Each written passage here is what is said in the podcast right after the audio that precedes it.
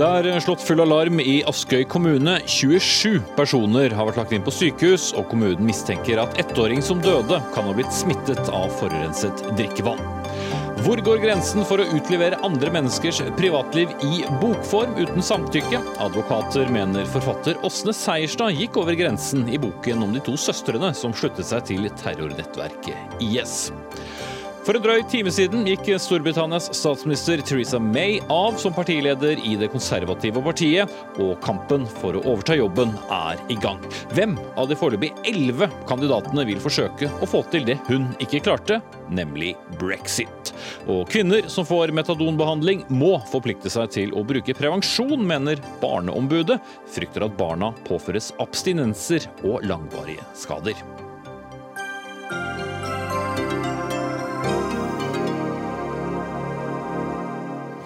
Da sier vi god kveld og velkommen til ukens eh, siste Dagsnytt 18. Jeg heter Espen Aas. Mot slutten av sendingen skal vi diskutere om vi bør bli bekymret dersom vi ikke har startet vår private pensjonssparing tidlig. Men vi starter med den dramatiske situasjonen i Askøy kommune utenfor Bergen, der altså flere titalls mennesker har blitt syke med oppkast, diaré og feber de siste dagene. Det er eh, påvist E. coli-bakterie i et fjellbasseng i kommunen, og i dag fortalte ordføreren at en ettåring som døde på Haukeland sykehus, kan ha blitt syk av forurenset drikkevann. I ettermiddag eh, opplyste også Haukeland sykehus at det er påvist bakterien campylobacter, campylobacter i eh, avføringen blant flere av de syke. Og Eistein Vennesland, du er rådmann i Askøy kommune, med oss fra vårt studio i Bergen. Hva er det siste du kan informere om fra kommunens side?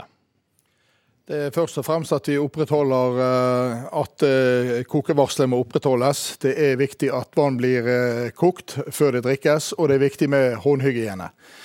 Vi har fortsatt en situasjon hvor vi får flere sykdomstilfeller inn. Vi har fortsatt pågang på legevakt, og vi har også noen innleggelser. Eh, men samtidig så eh, opplever vi også at det har vært en del utskrivninger. Eh, sånn at denne, dette sykdomsutbruddet, det håper vi har, har nådd toppen. Mm. Hvis vi tar det noe kronologisk det hele, på hvilket tidspunkt var det dere i kommunen fattet mistanke om at det kunne være noe galt med drikkevannet? Dette er jo en mage- og tarminfeksjon, så i begynnelsen så ble det oppfattet som at det var en omgangssyke eller oppkast. Det var høy feber. Eh, så I begynnelsen ble det oppfattet som et eh, ja, vanlig sykdomsforløp i befolkningen. Det var først litt litt utpå rundt lunsjtider og utover dagen at noen observante sykepleiere noterte seg at det var flere tilfeller, og hadde mistanke om at det var begrenset til et område. De gjorde da et søk og fant ut at det var avgrenset til et område i tilknytning til Kleppevann. Eh, og På det grunnlaget så startet arbeidet med å finne ut om dette var relatert til vann. Mm. Vi har ikke konstatert at eh, det er vann på dette tidspunktet. og Etter hvert som vi blir sikrere på det, så går det ut et varsel på SMS til innbyggerne, og vi informerer lokalmedia. Hvor lang tid tok dere da å få informert folk, og fikk alle denne advarselen samtidig? Eh, vi informerte ca. klokken 18, eh, og vi informerte da også gjennom eh, media. Det er bygget på de, de medisinskfaglige vurderingene som ble gjort, med tanke på sannsynligheten for at dette var knyttet til vann. På dette tidspunktet vet vi ikke om det er vann. Det er først og fremst en risikovurdering som konkluderte med at sannsynligheten for det er høy. Og da informerte vi over et SMS-varslingssystem som vi bruker i kommunen, i tilknytning til de innbyggerne som er er bosatt i det området. Mm. På Facebook-siden til Askøy kommune så er det noen som skriver at folk i samme boligområde ikke ble varslet eh, samtidig. At det kunne tatt eh, opp mot fire timer før innbyggere fikk den samme informasjonen. Eh, hva vet du om det? Vi har jo et SMS-varslingssystem som tar utgangspunkt i hvor innbyggerne bor. Eh, og eh, det kan ha vært eh, ulikheter i forhold til når de fikk dette varselet, fordi vi opplevde det var ulike områder som kunne gjøre seg gjeldende i, i forhold til eh, smittefare. Derfor kan det være en avstand mellom at innbyggere har fått varsel på ulikt tidspunkt. Det er også sånn at en del ikke har fått varsel. Vi er jo avhengig av at en melder inn at en ønsker varsel. Hvis en f.eks. har en jobbtelefon, så blir ikke det registrert i systemene våre. Så dermed så vet dere ennå ikke om alle har blitt varslet? Eh, det kan vi ikke vite, men eh, jeg opplever at vi har hatt en veldig omfattende og god informasjon. Eh, både gjennom den SMS-varslingen som vi har, som når veldig mange. Vi har internettside, og vi har vært bredt ute i media for å nå flest mulig. Mm. I morges fortalte da ordføreren at det kan være en sammenheng mellom dødsfallet til en ett år gammel gutt og vannproblemene. Hva kan du si om den saken? Vi ble observant på at det hadde vært et, eh, et tilfelle og en veldig, eh, med et tragisk eh, utfall i samme område som vi da hadde konstatert at det var et, en, en, sykdomssituasjon. Vi var i hvert fall observant da på dette her veldig tidlig, og startet undersøkelser da med Haukeland sykehus. Eh, og det er de nå som har eh, den saken hos eh, seg med tanke på videre prøver med videre. De siste årene så er det sendt ut flere varsler til innbyggerne om at de må koke drikkevannet. Jeg tror det er ni i tallet på to år. Hvorfor har det vært så mye trøbbel med å sørge for rent drikkevann? Disse varslene her har gått ut for å, som føre var-prinsipp. Vi har vært i situasjoner hvor vi ikke har vært sikre på om vannkvaliteten har vært tilfredsstillende. Eh, det er dessverre sånn på Askøy at vi har knyttet først og fremst vannet til ett vannanlegg, så vi har begrenset mulighet til å koble på andre løsninger når vi har en mistanke om fare. Disse føre-var-prinsippene har senere vist seg at det ikke er helsefarlig vann. Eh, men vi har også hatt situasjoner hvor det har vært brunt vann, og det kan være vann som det er smak av, men uten at det er av helsefarlige eh, utfordringer med det. Mm. Eh, til slutt, det er altså blitt eh, en politisak. Helsesynet er koblet inn, og fylkeslegen har opprettet en tilsynssak. Hva vil du si til innbyggerne i kommunen? Vi er opptatt av at vi skal ha en høy vannkvalitet. Vi er også opptatt av at det skal være trygghet i forhold til at en har vann en kan stole på. Eh, når vi først har hatt en sånn eh, episode som dette her, så er det viktig at eh, andre instanser kommer og spør oss, kartlegger og vurderer. Det må vi sjøl også gjøre. Vi må gjøre erfaringer på det som har skjedd i disse dagene. Og så må vi se til at vi får sette i verk tiltak som ivaretar den tryggheten vi er opptatt av å ha i befolkningen. Sier foreløpig takk til deg. Eh, Helga Arionsson, eh, fylkeslege i, Vestland. Dere besluttet altså i dag å opprette tilsynssak som følge av dødsfallet til den ett år gamle gutten. Hvorfor det? Vi har eh, startet tilsynssak både med Askøy kommune og med sykehuset Helse Bergen, Haukeland sykehus, fordi vi oppfatter at dette er en alvorlig sak. Vi går inn i dette helt åpent. Eh, har ikke i utgangspunktet hatt noen konkret mistanke om svikt i helsehjelpen. Eh, men vi holder alt åpent og vil undersøke og kartlegge hva som har skjedd i hele denne guttens sykdomsforløp. Mm. Hva mistenker dere at kan ha skjedd, da? Nei, Vi går åpent ut, sier jeg. og Det betyr at vi egentlig ikke har noe konkret mistanke. Men vi ønsker å kartlegge eh, hva skjedde i hele dette sykdomsforløpet, for å gjøre en vurdering av om eh, symptomer og tilstand ble fanget opp og det ble gitt behandling på det tidspunktet som eh, det burde vært gitt. Mm. Ja, Dere går altså åpent ut, og vi skal derfor ikke foregripe noe. Men uh, hvilke konsekvenser kan en slik eh, tilsynssak få? Kan du si noe om det? Når vi eh, starter en tilsynssak, så har vi både det som vi kaller et eh, ledelses- eller et systemperspektiv. Ser på rutiner og hvordan tjenesten er organisert. Og vi har også med oss et individperspektiv. Det betyr at vi også vurderer enkelt helsepersonell sine handlinger. Og eh, det er altfor tidlig å si noe i denne saken om hvordan, hvordan ting har vært. Mm. Vidar Lund, du er seniorforsker ved Avdeling for mat, vann og dyr ved Folkehelseinstituttet. og I ettermiddag ble det også påvist E. coli i såkalt fjellbasseng, altså i vann som skal være ferdig renset og klar til å sendes ut til forbrukerne. Hva er det en indikasjon på? Nei, altså Det er jo en indikasjon på når de påviser E. coli, som det har vært gjort her, da, i disse prøve, vannprøvene. Så er det en klar indikasjon på at her er det noe som ikke skulle ha vært her. for å si Det sånn. Det har vært en, en inntrengning av forurenset vann, eller forurensning, fra enten mennesker eller, eller dyr. Mm. Hva, hva, slags type forurensning kan det da være, hvis det er E. coli? Nei, altså E. coli er bare en indikator. Bakterier som brukes som, som, som, et tegn på at det er en sikker forurensning. Mm. Altså en, det er et sikkert tarminnhold fra mennesker eller dyr som har eh, kommet eh, til vannet. Mm. Og det at eh, flere av de syke har fått påvist denne bakterien campylobacter i avføringen, hva forteller det da?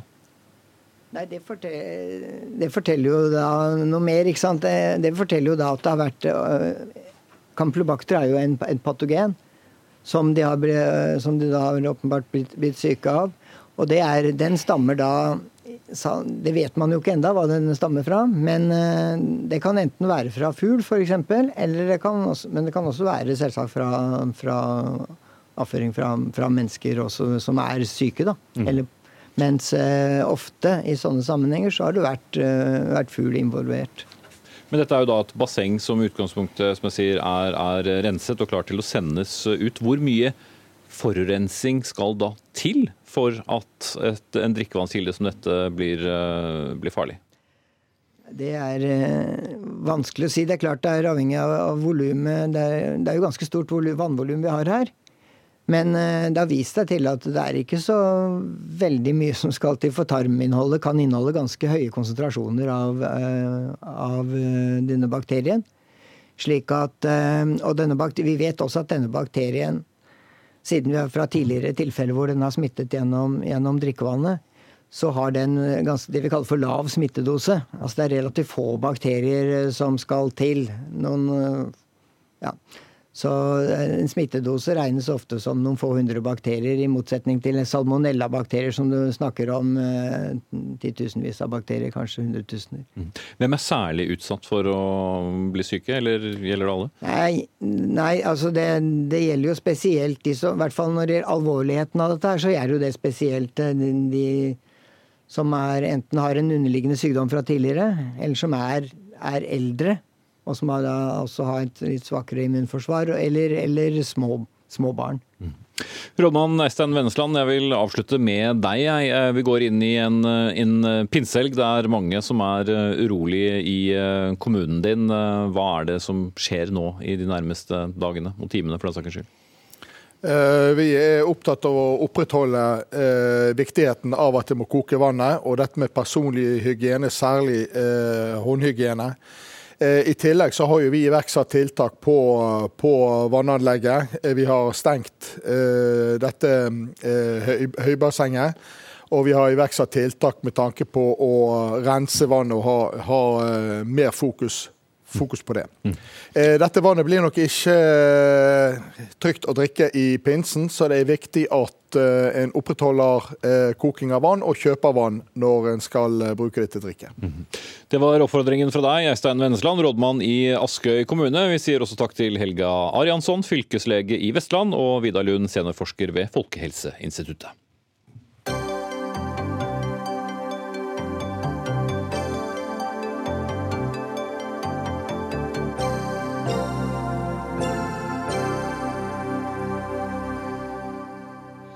Bekreftelsen på at de to norsk-somaliske søstrene som rømte fra Norge for å slutte seg til terrorregimet IS, er funnet eh, i live av Aftenposten, eh, har denne uken satt i gang en debatt om privatliv og ytringsfrihet. For forfatter Åsne Seierstad baserte mye av sin bok 'To søstre' på nettopp disse to søstrenes private korrespondanse og meldingsutvekslinger.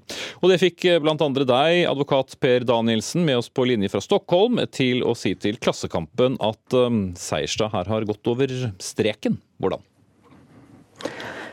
Jo, vi har jo flere regelsett som kan tenkes å komme til anvendelse når det gjelder den publiseringen her. Vi har regler om, som beskytter privatlivets fred.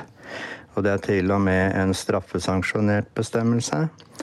Vi har eh, opphavsrettsbestemmelser, åndsverkloven, som eh, beskytter f.eks. retten til eget bilde. Jeg forstår at det er brukt. Og så har vi regler om eh, inndragning i i straffeloven både av bok og eventuelt utbytte fra salg av bok, som kan rettes både mot forlag og forfatter. Mm. Og Hvis jeg forstår det riktig, så har ikke du selv lest boken. Hvordan kan du da um, hevde dette? Jeg har foran meg sitat fra det som står i metodekapitlet i boken. Og Der står det at Seierstad selv skriver at hun har bygget på stiler, karakterkort, klassebilder, notater, utskrifter av mailer, loggene til søstrene på Messenger, på Viber eller Viber og WhatsApp. Og Det er faktum i saken, og da er det slik at eh, det meste av det som er nevnt her, det tilhører privatlivet. Eh, alle innbyggere i Norge har rett til eh, å beholde eller holde den type informasjon for seg selv. Mm. Og det kreves samtykke fra den det gjelder, ikke fra familie eller en storebror, som er kildene her, som har gitt det til selv forfatteren Sejersted. Det er ikke nok. Mm. Det skal være et opplyst og fritt samtykke fra den det gjelder. Eh, verken forfatter Åsne Seierstad selv eller forlaget ønsket å stille til debatt da jeg var i kontakt med dem, men de pekte i stedet på deg, Janine Kierulf. Til vanlig kjenner jeg som fagdirektør ved Norges nasjonale institusjon for menneskerettigheter, men i denne sammenhengen så er det som jurist, og er også den som ble bedt om å gjøre en juridisk vurdering av saken. Var det en enkel vurdering? Nei, dette er kompliserte vurderinger. Eh, det er riktig som du sier at dette er en vurdering jeg gjorde før jeg tiltrådte min nåværende stilling. Eh, det gjorde jeg på bakgrunn av eh, oversendt manus. Eh, og det er en vurdering langs de linjer som advokat Danielsen skisserer. Det er helt riktig det han sier her i det, generelle, men det jeg gjorde var da konkret å gå inn i teksten og vurdere den som helhet. Det er ikke noe tvil om at det utleveres private opplysninger her, og det er heller ingen tvil om at det i utgangspunktet er vernet. Det er sterkt vernet i norsk rett. Det er en grunnlovsbestemmelse i tillegg til en menneskerettighetsbestemmelse. På samme måte som ytringsfriheten er sterkt vernet. Så det man står overfor, det er en avveining mellom to grunnleggende rettigheter. Da har det utpenslet noen kriterier i rettspraksis for hvordan den avveiningen skal gjøres. Eh, hvor et eh, vurderingstema som er helt sentralt, det er hvilken grad av allmenn interesse det har å utlevere disse privatopplysningene. Er det, mulig, er, det, eh, er det nødvendig for å fortelle en historie av stor allmenn interesse å utlevere noen private opplysninger, så kan det være rettmessig, selv om dette i utgangspunktet er vernet. Min konkrete vurdering av denne teksten var at det var en betydelig allmenninteresse i dette Eh, hvorfor eh, vestlige borgere radikaliseres og velger bort demokrati til fordel for eh, krigen i Syria. At det har en betydelig offentlig interesse, er også lagt til grunn av Høyesterett i denne dommen som falt i saken om filmskaperen Ulrik Imtias Rolfsen, hvor Høyesterett eksplisitt sier at dette er helt til kjernen av ytringsfriheten. Dette kombinert med at de private opplysningene som er utlevert, er nødvendige for å fortelle historien, og ikke er unødig belastende eller krenkende, eh, gjorde at eh, jeg gjorde den vurderingen at dette er vernet av ytringsfriheten. Mm. Og det står du ved i dag? Ja, jeg står ved denne vurderingen. Den er gjort eh, på bakgrunn av den samme teksten som nå foreligger. Mm. Hva sier du til det, Danielsen? Ja, det er jo en vanlig misforståelse da, blant eh, de som er veldig sterke tilhengere av ytringsfrihet på bekostning av personvernet, som eh, Anine Kierulf også tilhører, at man tror at hensynet til allmenn interesse går foran alt annet. Og det er feil etter rettspraksis i Menneskerettighetsdomstolen. Der er rettspraksis slik at allmenn interesse alltid er en nødvendig men ikke tilstrekkelig betingelse for frifinnelse i forhold til personvernbestemmelsene. Og det er grunnen til at selv eh, kjente politikere i de fleste europeiske land har vunnet både injuriesaker og, og, saker som gjelder privatlivets fred, og som ikke er så veldig kjent i Norge. Ja, til og med Le Pen i Frankrike vant en sak som gjaldt en novelle og den ble klaget til Strasbourg, og klagen førte ikke frem. Selv ikke etter storkammerbehandling i Strasbourg. Så vi er nok uenige om disse avveiningene rent juridisk, men eh, det er den propagandaen vi hører. Ja, det er alltid interessant å høre advokat Danielsens utlegninger av dette rettsstoffet, for han har en stor eh, oversikt over det. Men dette er eh, vurderinger som må foretas i det konkrete, og min vurdering er gjort konkret med tanke på den publiseringssituasjonen man var i i 2016. Det stoffet som er formidlet, måten det er formidlet på, metoden det er formidlet i, og også det forhold at eh, disse søstrene Eh, velger å, å, forbli i Raqqa, også etter at de blir kjent med hvordan livet der er. Eh, og også etter at eh, det å tilslutte seg en terrororganisasjon er kriminalisert i Norge. Jeg sier ingenting om deres skyld i denne sammenheng, men det er flere forhold som gjør at deres personvern, privatliv, vurderes i et annet lys enn det det vil gjøre i en mer generell betraktning av den typen advokat Danielsen legger opp til? Ja, jeg nøyde meg med å, å, arrestere først ditt grunnleggende juridiske syn, som jeg mener er galt. Når det gjelder den eh, konkrete vurderingen i denne saken, så har det jo ingen allmenn interesse å få vite hva to terrorister eh, måtte mene om hvorfor de slutter seg til en terrororganisasjon. Det får i tilfelle være et, et oppdrag for PST å avlytte eventuelle telefonsamtaler for å finne ut om de har begått straffbare handlinger. Mm. Kan jeg bare ile inn der bare kort, Danielsen, for disse to søstrene hevder altså at ikke de har gjort noe galt i, i Syria, men drevet humanitært arbeid og da ikke nødvendigvis sluttet seg til eh, IS? Jeg tar heller ikke stilling til disse søstrenes skyld. Uh, det jeg uh, har registrert i ettertid, det er jo at denne boken er blant tre av de bøkene New York Times har fremhevet som sentrale kilder til å forstå IS. Det er et av de mest uforståelige fenomenene i vår tid, som også har betydelig innvirkning på vår hverdag. Stiller ja, saken seg på noen måte Jeg bare stiller spørsmål, eh, Daniel. Stiller saken seg på noen måte annerledes nå som de altså er bekreftet i live? Eller er det, er det helt uavhengig? Nei, det, det, hvis det var slik at Seierstad trodde at de var døde, så er det bare desto verre. Så, uh, kritikken mot henne og hennes valg blir jo da enda sterkere. Å drive og, og, og, skal vi si uh, dra fordel av døde personer. Det er jo rett og slett ekkelt. Men nå er det i hvert fall ikke det. Nei, det, men det spørsmålet er hvilke motiver Seierstad hadde. ikke sant? Og Det spiller ingen rolle rent rettslig om de er eh, i live. I live så er det jo nettopp de reglene som både Kjerulf og jeg er enige om skal vurderes. da, ikke sant? Og jeg må også si Når det gjelder dette med skyld eller ikke skyld, så er jeg enig med Kjerulf at det skal ikke vi drive og uttale oss om.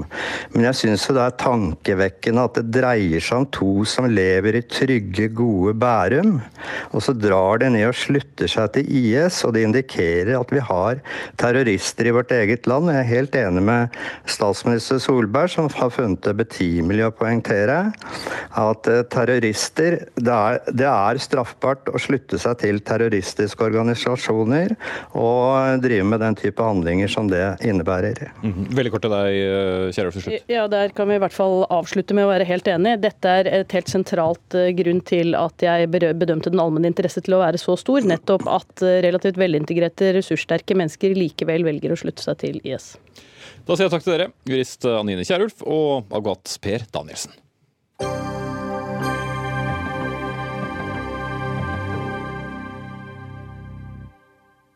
Burde narkomane kvinner som mottar metadonbehandling for å bli rusfrie, også forplikte seg til å bruke prevensjon, slik at de ikke blir gravide under behandling? Det blir debatt om den saken senere i sendingen.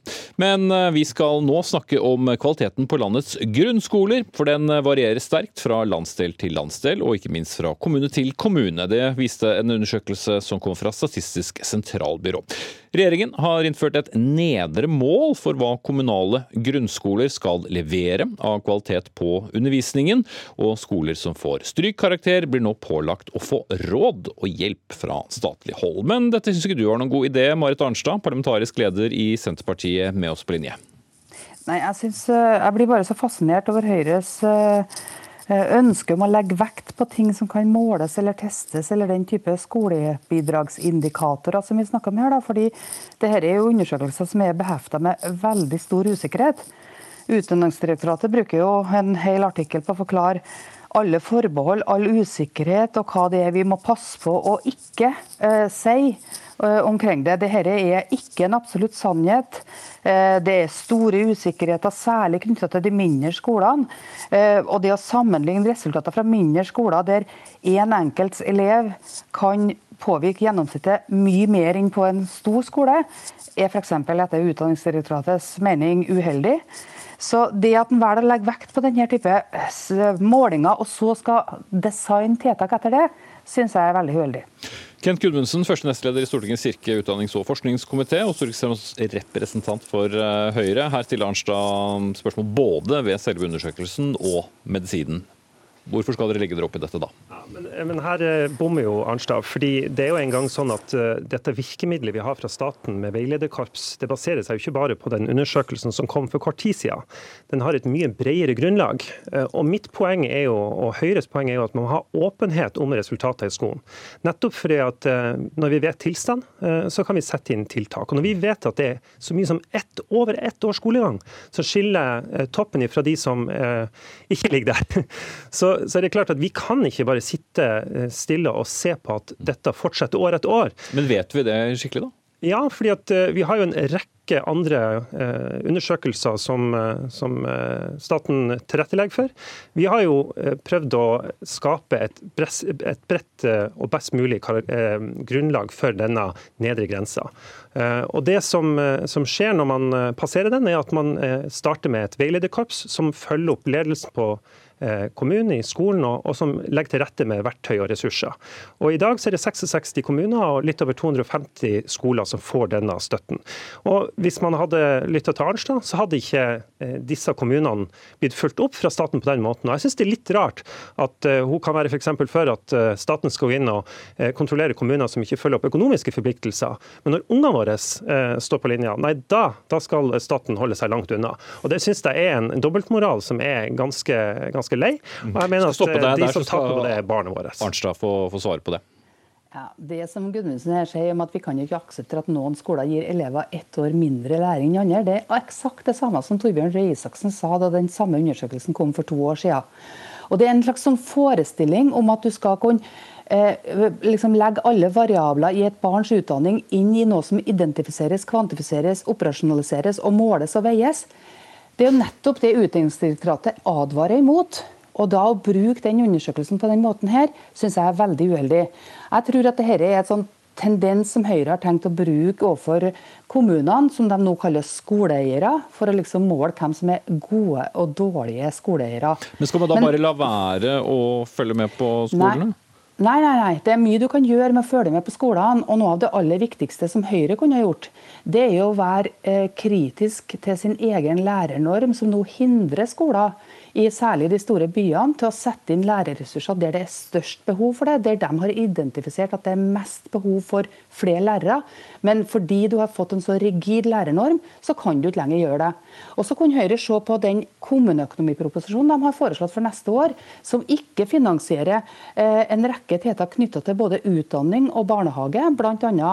Eh, læremidler til fagfornyelsen og bemanningsnorm i barnehage, og som gjør at kommunene ofte ikke har råd til å gjøre den jobben de bør gjøre overfor skolene? Altså, dette blir eh, mange mange feil fra Arnstad. For det første så har vi jo styrka kommuneøkonomien. og Den er jo bedre enn under de rød-grønne. Vi har eh, bevilga masse penger sånn at det er 3000 flere lærere nå enn under de rød-grønne. Vi har eh, sikra at du har fordypningskrav og kompetansekrav. Eh, 34 000 lærere har fått påfyll. Vi får flere nå som eh, har fordypning i det faget de underviser i. Vi gjør masse tiltak fra staten. Og i det lyset, og i det lyset interesse så er det jo viktig å, å si at Når da skolene har like premisser, og vi satser massivt fra staten, så ser vi at noen lykkes veldig godt med å løfte skolekvaliteten. De jobber systematisk, er fremoverlent, eh, tar tak i der de ser de har utfordringer, og, og, greier å løfte skolen. Det ser man gjennom disse undersøkelsene. Og det er et bredt sett av undersøkelser og variabler. Og når da man ser det år på år, at enkelte skoler ikke lykkes, så må man jo kunne stille spørsmålet hvorfor er det sånn? Og hvorfor skal man ikke da som storsamfunn, når man har masse ressurser og verktøykasse, hvorfor skal man ikke da gå inn og hjelpe disse? For det er jo ungene våre det er snakk om. Mm. Men det er jo det kommunalt ansvar. Det er jo de som skal drifte uh, grunnskolene, og så ta fylket over når de kommer på, på, på videregående. Hvorfor skal da staten ha egne kriterier som skal gå inn og overprøve det kommunen først og fremst har ansvar for? Vi, vi, er veldig opptatt av at man skal tilrettelegge for lokalt selvstyre og, og gjøre masse gode grep. og Det ser vi at mange kommuner nettopp gjør. Men når én av fem skoler fra den siste undersøkelsen eh, ligger under eh, det, landsgjennomsnittet og det som man burde forvente av bidrag til elevenes læring, og så tenker jeg at hvis dette gjentar seg år etter år, og dette er jo ikke den første undersøkelsen, dette har vi jo sett over mange år, eh, så syns jeg det er litt rart at Senterpartiet kan bare sitte nede i Oslo på partikontoret sitt, se utover landet og si at vet du hva, det skal vi ikke bry oss om. Men hvis kommunene bruker for mye penger, nei, da må staten gripe inn. og det, er jo liksom, og det, det som, jo, det blir liksom litt sånn merkelig eh, at man har en sånn dobbeltmoral på dette spørsmålet. Ja, nå sitter jeg på Skatval i, i Trøndelag og ikke i kontoret i Oslo. Og jeg er veldig opptatt av eh, Jeg syns det er rart at Høyre vil detaljstyre kommunene på dette området. her, fordi Høyre bruker å si det at kommunene må ha stor lokal handlefrihet. På skoleområdet så gir de kommunene mindre og mindre handlefrihet. Både gjennom at de for neste år foreslår en trang kommuneøkonomi. De har fått en lærernorm, en lærernorm som ikke gir kommunene valgfrihet til å sette inn ressurser der de trengs mest. Og så bruker de de her undersøkelsene her etterpå som et slags sånn svarteperspill. Men hva er din og, og Senterpartiets løsning, mm. Arnstad? Nei, så jeg mener jo for det første at vi skal ha stor tiltro til at kommunene kan klare å løfte ting. Og så er det greit å få informasjon gjennom denne type undersøkelser, men du må ikke bruke det til å liksom definere at noen er ett år etter andre eller noe sånt. Men hvis Fordi, det er gjentatt for, eh, jo, men, indikasjoner?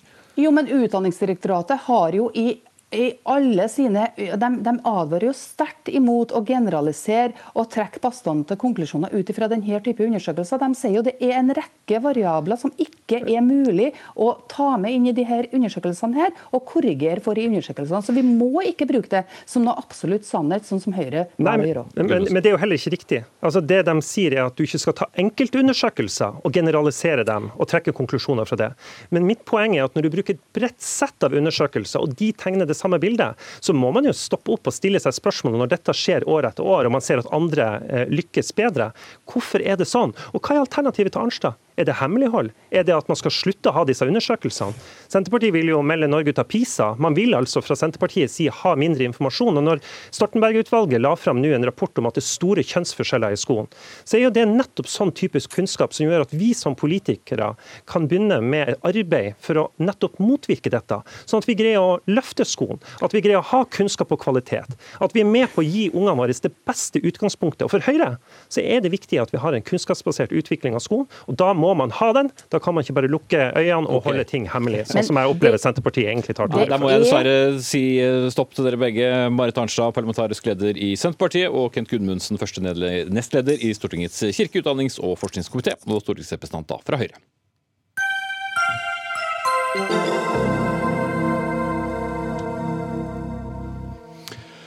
For uh, om lag halvannen time siden så gikk Storbritannias statsminister Theresa May formelt av som partileder for det konservative partiet. Og dermed er kappløpet i gang det for å overta dette, denne noe utfordrende jobben. Og de som har lyst til å overta etter May, ja de må melde seg i løpet av førstkommende mandag. Inntil videre så fungerer hun både som partileder og statsminister. Men uh, allerede har en rekke uh, partimedlemmer meldt sin interesse. Det var oppe i 13 på det meste. To har trukket seg, og vi står igjen med 11. Og Kjetil Widesvang, kommentator i Dagens Næringsliv, du har fulgt denne prosessen i, i lang tid. La oss bare starte med May, da, som uh, nå i ettermiddag uh, trådte til side, selv om hun skal fortsette å virke inntil en annen er på plass. Uh, får hun noe særlig godt etter melet? Nei, hun gjør jo ikke det. Fordi hun har jo begått et par store og vesentlige tabber. Eh, hun klarte aldri å få gjennomføre det hun lovet å gjøre, og levere brexit. Og hun utløste et valg som var en gedigen tabbe. Hvor hun istedenfor å øke flertallet sitt i parlamentet, bombet det til ned nå er det fem, er det ikke det? Jo, med de siste avhopperne. Så det balanserer helt, helt på kanten. Mm. Men la oss eh, se på kandidatene, da. Elleve i tallet som nevnt sier at de kommer til eh, å stille. Det er jo da et vindu fra mandag morgen til mandag ettermiddag. Men yes. det er jo særlig en tidligere borgermester og tidligere utenriksminister som, eh, som særlig nevnes ofte, og som i dag også unngikk rettssak etter å ha blitt anklaget for å ha løyet under sin egen brexit-valgkamp, nemlig Boris Johnson. Ja. Altså, han er da hos bookmakerne i dag den ganske suverene favoritt jeg har sjekket nå. Og han ligger da på 43 sjanse, regner vi. Det er ganske langt foran Michael Gove, som er da en, uh, miljøvernministeren, som ligger på 13% på annenplass. Så han er storfavoritt. Mm. Men på den andre siden, det er jo mange som er litt redd for hva det kan resultere i.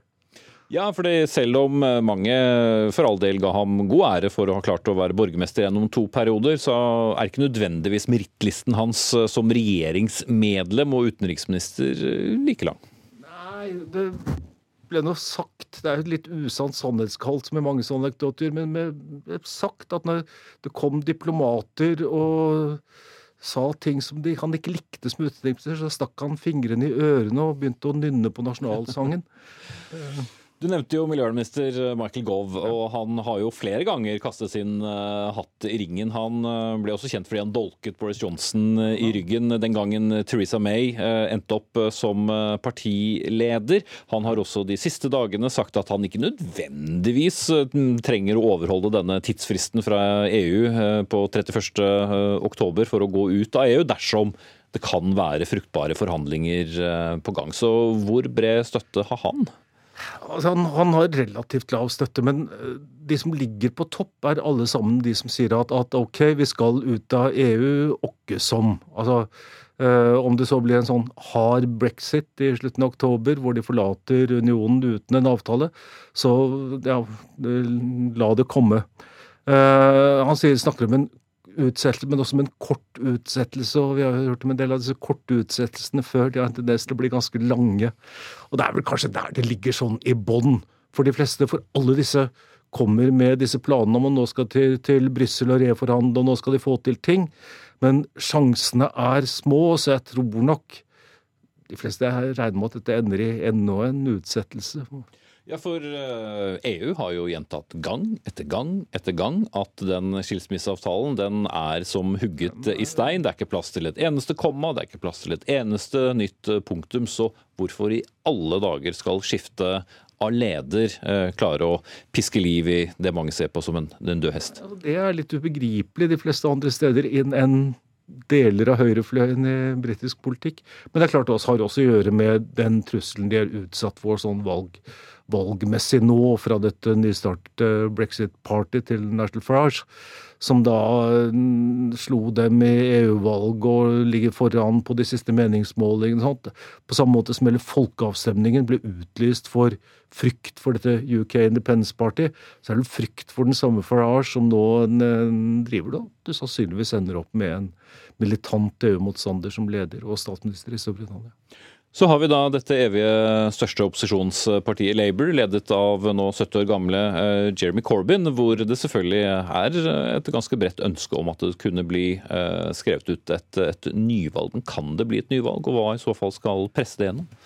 Altså, eh, Hvis det da kommer til slutten av oktober, da er denne brexit som definerer nesten alt i britisk politikk for tiden, og det ikke har kommet til noen avtale, en av kandidatene, tidligere brexit-ministeren Dominic Raab, sier at han kunne prøve å få ut landet uten å slippe parlamentet til, men det skapte såpass mye rabalder at det blir det neppe av. Og det er ikke noe flertall for en slik hard brexit i, eh, i parlamentet. Da sitter du der, kan du sitte i en krise en gang i oktober hvor du har valget mellom enten et nyvalg eller en ny folkeavstemning. Eller selvfølgelig, som sagt, å utsette det en gang til. Men da skal du ha med EU på ballet, og det kan hende at betingelsen er at du gjør en av de to, to tingene, holder et valg eller en uh, folkeavstemning. Og det smaker vondt for begge, altså. Det som i hvert fall er det mest sannsynlige i nærmeste fremtid, er at det blir en ny leder som er eh, valgt av veldig veldig få, nemlig noen få medlemmer i det konservative partiet. Eh, og hva slags uker er det vi ser foran oss nå? Nå skal Theresa May nærmest bare være forretningsfører for, for regjeringen og partiet, og så er det da disse elleve kandidatene, hvis da alle står ved sitt kandidatur når vi kommer til mandag. Men hvordan blir prosessen? Prosessen er sånn at uh, i prinsippet skal du uh, Er det et utslagssystem at uh, parlamentsgruppen til de konservative tar og stemmer ut én etter én, men så har de lagt et sånn bånd at de som får under mye er det 13 stemmer eller sånt i første avstemning og noe, noe flere i den andre, blir saltet ut, så du slipper å ha, ha ti runder, for de to siste skal så ut til uravstemning til er det 140 000 eller noe medlemmer i partiet, hvilket jo er veldig få målt mot Labour, som har vært mot opp en halv million. Så det er en liten gruppe som er veldig lite representativt for briter i det hele tatt. Menn på landsbygda, på min alder og eldre, som utgjør hovedtyngden i, i det konservative partiet. Og briter flest kunne vel kanskje tenke seg en helt annen prosess nå enn å finne en eh, ny eh, statsminister, fordi ønsket om at nyhetene skal handle om noe annet enn at brexit lar vente på seg, er også ganske stor. Den er massiv. De er godt skitlei, men eh, sånn som det ser ut nå, så igjen, du ender mot helt California. You can check out any time you want, but you can never leave. Det ser i hvert fall sånn ut. Ja. Så Theresa May sa altså hun skulle gå i juni, men blir sittende ut juli. Og så får vi se hva som skjer når vi kommer til halloween 31.10, hvor britene angivelig skal være ute. Takk til Kjetil Widsvang, kommentator i Dagens Næringsliv.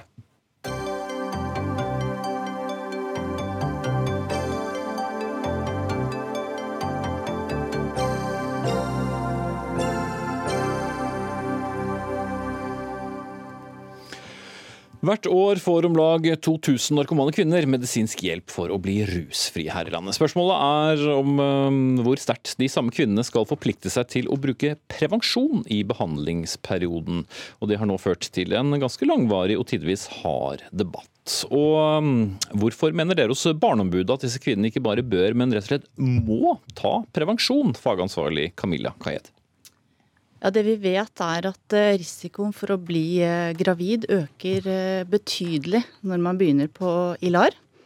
Og man har også fått mer informasjon og mer kunnskap etter hvert nå om hvilke lang langtidseffekter LAR-behandlingen kan ha på barna. Som altså er denne medisinske hjelpen de får? Ja, Subutex, Motadon osv. Og disse barna blir født med voldsomme abstinenser. Og eh, alle som har eh, vært i nærheten av de barna når de blir født, eh, kan fortelle om at det er, det er en veldig stor påkjenning for barnet. Mm.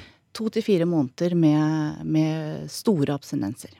Men det er da som følge av medisinene som mm. moren får, ikke av tidligere narkotikabruk? Nei, det er som følge av LAR-behandlingen. Mm. Og hva slags innvirkning er det den medisinen gir? Altså, den, For det første så gir den da abstinenser eh, for barnet fordi, når det blir født. Eh, og for det andre så vet man noe mer nå om langtidsvirkninger på barnet som, eh, som kan ha alvorlige konsekvenser for barnet. Synsforstyrrelser, eh, ulike utviklingsskader. Mm. Og bare for å være enda mer konkret, altså selve denne abstinensen, altså mm. hvordan vil den arte seg for et nyfødt eller et lite barn? Ja, det er barn som da opplever at de Altså, de barna kan ikke tas på. Eh, de må være i mørke rom. Eh, de kan ikke ha berøring. De kan ikke tilknytte seg eh, omsorgspersonen sin. Det, ammeproblematikken er, er stor. Mm. Guri Spilhaug i Nasjonal kompetansetjeneste for rusbehandling. Hvorfor vil ikke dere at narkomane kvinner da må forplikte seg til å bruke prevensjon i dette behandlingsløpet? Eh, vi må ta utgangspunkt i den situasjonen vi faktisk har. At dette er en kvinne som har en svært alvorlig livstruende sykdom. Hun er avhengig, og vi snakker om kvinner som er avhengig av opioider, altså f.eks. heroin.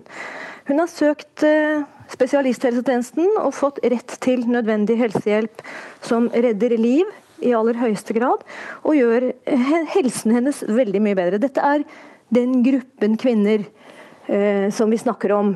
Eh, når det gjelder føre-var-prinsippet, så vil vi selvfølgelig veldig gjerne at eh, barna skal sikres Når kvinnen blir gravid, så vil vi at fosteret skal ha det strålende i svangerskapet.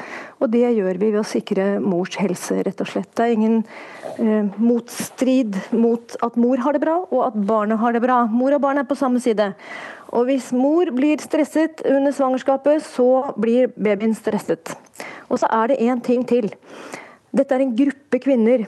Eh, det blir født ca. 30 barn eh, i året av kvinner i LAR. Kanskje 20 av dem må ha eh, abstinensbehandling. Det er jo ekstremt sjelden at vi snakker om to til fire måneder, men dette er barn som trenger abstinensbehandling. Det er en flott behandling i dag, i motsetning til hva det var i gamle dager. Nå blir de nedtrappet på den medisinen de faktisk eh, er abstinente fra, eh, og det er en veldig mye bedre behandling. Så overdriver Barneombudet, da? eller? Barneombudet eh, stiller som krav om at en gruppe mennesker eh, ikke skal få rett til å stifte familie fordi de tilhører gruppen. Det er ikke en sånn helsetjeneste vi har i dette landet. Eh, vi fratar ikke kvinner generelt som trenger LAR-behandling, retten til å få barn. Vi har en helsetjeneste som er pasientens helsetjeneste. Vi tar individuelle hensyn. Og det er jo slett ikke slik at vi vet at disse eh, LAR-medisinene gir langtids skadevirkning. Tvert imot så vet vi det ikke. Mm. Um, Kayed, um, til Aftenposten så sier dere at uh, behandlingen bør stoppes dersom de narkomane kvinnene blir gravide, men er det da bedre for barna at mødrene går tilbake til f.eks. heroin? Jeg tror vi må begynne der det begynner. Og det er ved at uh, det aller beste for disse barna er at mor ikke blir gravid mens hun går på LAR. Eh, og det mener vi er eh, å bruke føre-var-prinsippet på, best mulig måte. Eh, og, og det, da gjør jo det at vi ikke kommer i denne situasjonen i det hele tatt. Og hvis det er sånn at dette er jo et vilkår for en behandling. Og er det sånn at kvinnen, når hun har gått på LAR i en periode, ønsker å bli gravid, så sier jo ikke vi at det skal hun ikke få lov til. Det vi sier er at da må hun i samråd med legen sin sørge for at hun trapper ned, slik at hun ikke er på et medikament som ødelegger fosteret hennes når hun er eh, gravid. Mm. Men Spillhaug, eh, til samme avis, eh, så sier du at dette er et eh, gufs fra fortidens kastraksjons- og steriliseringspraksis. Hva mener du med det? Ja, Det handler om denne gruppetenkningen. At dette er en gruppe kvinner som eh, Og det, og det har vi historie på, den er ikke så gammel heller. At f.eks. sigøynere ble eh, sterilisert hatere fordi de tilhørte en gruppe, og ikke fordi de var et individ. Og det er jo ikke slik at det er bedre for et barn ikke å bli født. Det kan jeg jo ikke skjønne er et argument. Det er bedre for disse barna at de aldri var blitt til. Det er en masse barn som er født av LAR-mødre i dag, og de lever fullverdige liv. Og mange av dem vokser opp sammen med sine mødre og fedre. Og det er klart at de stusser jo litt på disse oppslagene om at de ikke burde vært født. Sånn er det jo ikke. Ja, eh, Barneombud eh, og fagansvarlig Camilla Kaed, eh, man kunne jo da bli fristet til å dra dette enda lenger? At det er flere andre grupper som ikke burde få lov til å få barn? Det vi ser nå, er at det er en europeisk utvikling og eh, store prosjekter i gang på dette med eh, medikamenter og eh, konsekvenser for barn. Eh, og dette er, er, en behandling, så det er ikke en gruppe mennesker vi snakker om at vi, at vi eh, stigmatiserer her. Det vi gjør, er å si at staten må sette vilkår for behandlingen. Det er ikke å stigmatisere en gruppe på lik linje med å, å sterilisere en uh... men, men, det er en forskjell på bør og må? Ja, og det er absolutt det. Ja, vi mener må. Mm. Men burde man, eller er det ikke da lett også å utvide en, eh, en, en slikt må til også andre grupper, hvis man skal ta barnets beste hensyn? Man gjør det jo i, ved andre legemidler eh, allerede. Så jeg tenker at det er, eh, det er en veldig viktig debatt. Og det, det, må vi jo se på. Om det er andre legemidler man også må vurdere eh, nøyere nå. Mm. Eh, hvis vi skal se litt praktisk på det, hvor gjennomførbart vil et sånt pålegg være? Nei, det er, det er, jo umulig å tenke seg det. Vi har andre legemidler som uh, også er ut Andre uh, kvinner som er kronisk syke, som også har utfordringer i forhold til det å ønske seg barn.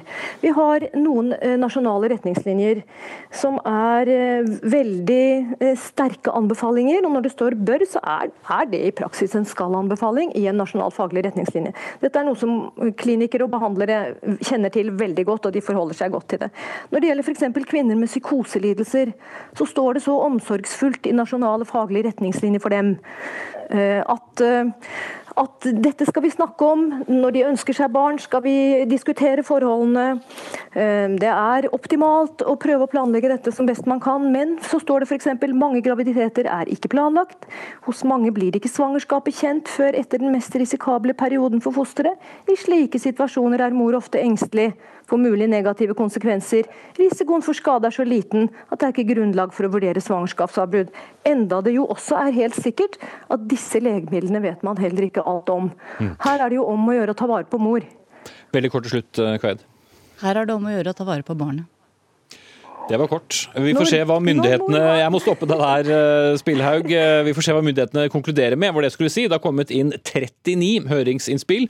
26 mener man bør si bør, mens 13 mener man må si må. Takk til Guri Spillhaug, seksjonsleder i Nasjonal kompetansetjeneste, og Camilla eh, Kayed, fagsjef hos Barneombudet.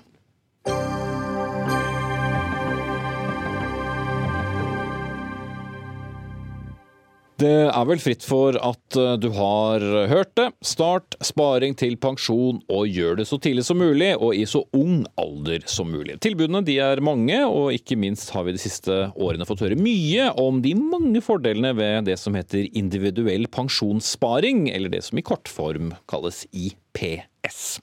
Men uavhengige eksperter hevder i dagens VG at finansnæringen tegner et skremmebilde, og at vi godt kan klare oss med de pensjonsordningene vi allerede har. Og Knut Dyrehaug, pensjonsøkonom i Storebrann, du mener da, kanskje ikke så overraskende siden dere lever av dette, eh, at det er smart å starte så tidlig som mulig å spare. Hvorfor det? Nå lever vi av god pensjonsrådgivning, og for, for noen, etter eh, nøye vurdering, så kan det være riktig, det. Eh, Du brakte inn IPS, det kan vi snakke om litt etterpå, men, men eh, det er ikke noe aldersgrense for å starte pensjonsplanlegging og pensjonssparing. Det er det ikke. Vi får jo inntrykk av, særlig etter pensjonsreformen, at eh, det gjelder å bare snu seg rundt og begynne å spare, men det er ikke da helt riktig? Eh, Det, det, det riktige inntrykket er at man faktisk bør eh, sette seg inn i hva pensjonssystemet er. Eh, Lære seg litt om forutsetningene som gjelder en selv. Og der finnes det massevis av gode verktøy, heldigvis. Og som en del av dette så kan sparing være viktig. Det er jo slik at pensjonsreformen har klart og tydelig sagt ifra om at eh, vi må jobbe lenger for å få den samme pensjon som vi ser pensjonister i dag får. Og det er der egentlig denne, eh, denne diskusjonen starter. Hvordan skal man tilpasse seg denne reformen? Og mer eh, ansvar på oss som skal bli fremtidens pensjonister. Ja, det er faktisk helt riktig. Eh, også for dere i NRK som har en innskuddsbasert pensjon, må dere gå inn og sjekke det litt i ny og ne. Vi skal ikke plage noen med NRKs eh, ordning, men Jørg Jensen, fagdirektør for finans i Forbrukerrådet, du mener det er tull å spare til sparing, eh, pensjonssparing når du er ung voksen? Ja, vi skal, jeg mener jo at de bør sikre seg en solid økonomi før du begynner å spare til pensjon. Eh, Den eneste måten, eller den vanligste måten å skaffe seg bolig på i Norge, er jo å låne penger til å ha det. Så eh, tidlig å begynne å spare til, en, eh, til kjøp av bolig, det, det er det mest fornuftige. Pensjon kan du ta igjen seinere. Og da har du f.eks. en inntekt, så er BSU et fabelaktig flott Altså Boligsparing for ungdom med de skattefradragene ja, ja, som de gir? ja. Det er som er en bankkonto som også kan gi deg, hvis du har inntekter, så kan du få skattefordeler av det. Men eh, si at du da bosetter deg i en av eh, landets store byer med høye boligpriser, og du tar opp et eh, ganske gedigent lån som du skal betale ned på 20 år, 25 år, og dette begynner du når du er 30 år, og så har du nedbetalt bolig når du nærmer deg pensjonsalder. Det er litt sent å begynne da, eller? Nei, altså, jeg tror jo det vil være veldig stor variasjon på det der. Eh, Men at vi skal sette en, en spesifikk alder for når du skal begynne å spare pensjon, det- blir heller ikke rett å gjøre.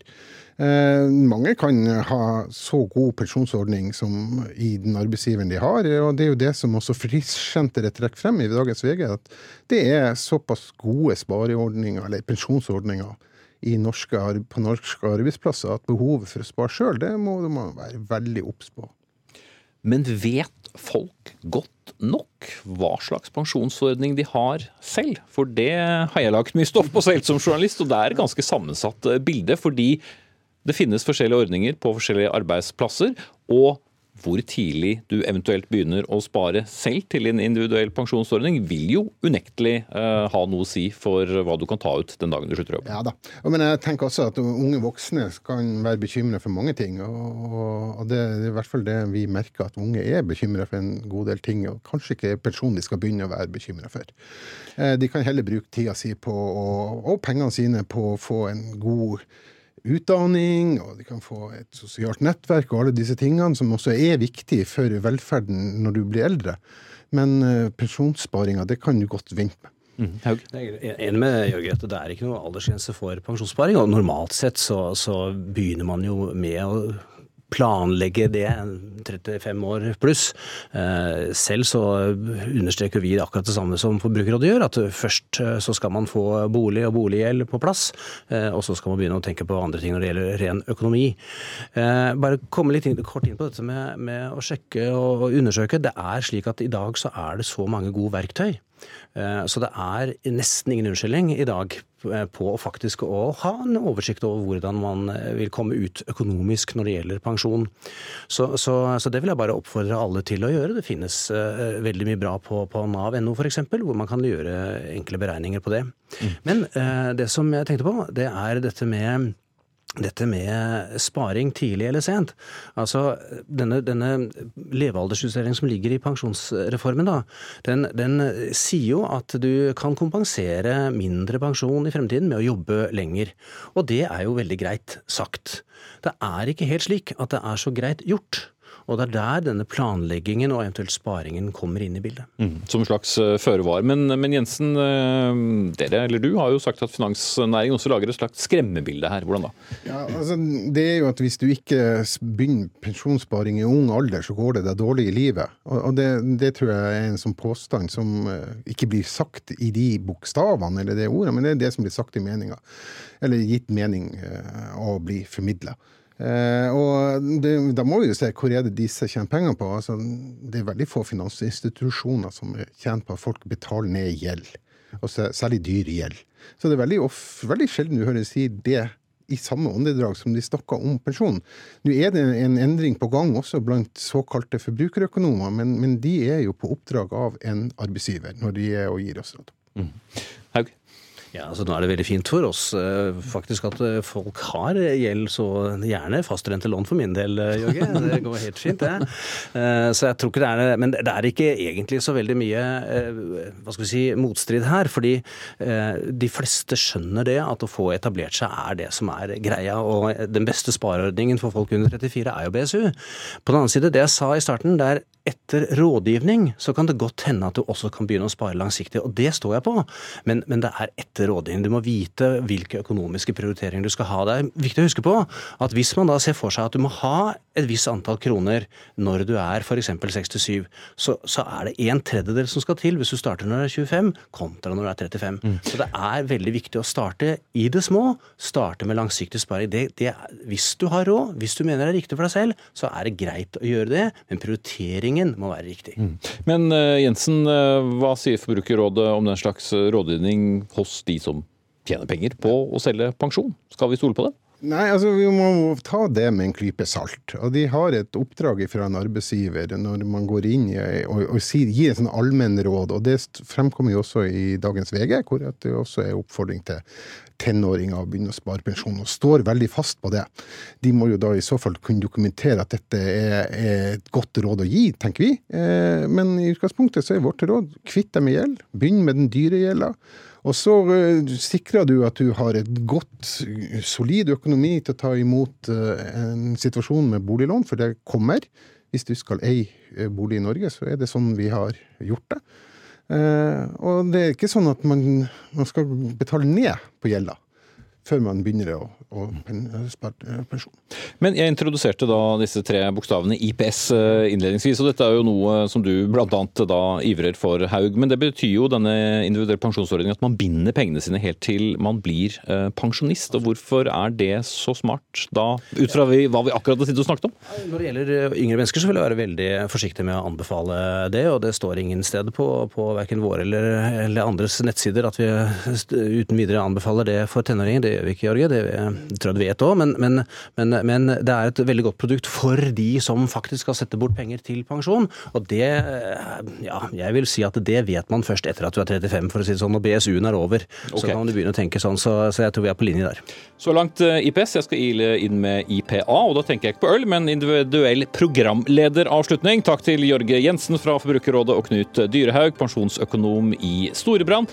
Denne sendingen er ved veis ende. Jarand Ree Mikkelsen hadde ansvaret for den. Finn Lie tok seg av det tekniske. Jeg heter Espen Aas. Vi går inn i en pinsehelg, og derfor så blir neste Dagsnytt 18 på andre siden av all pinsingen, nemlig på tirsdag. Takk for nå.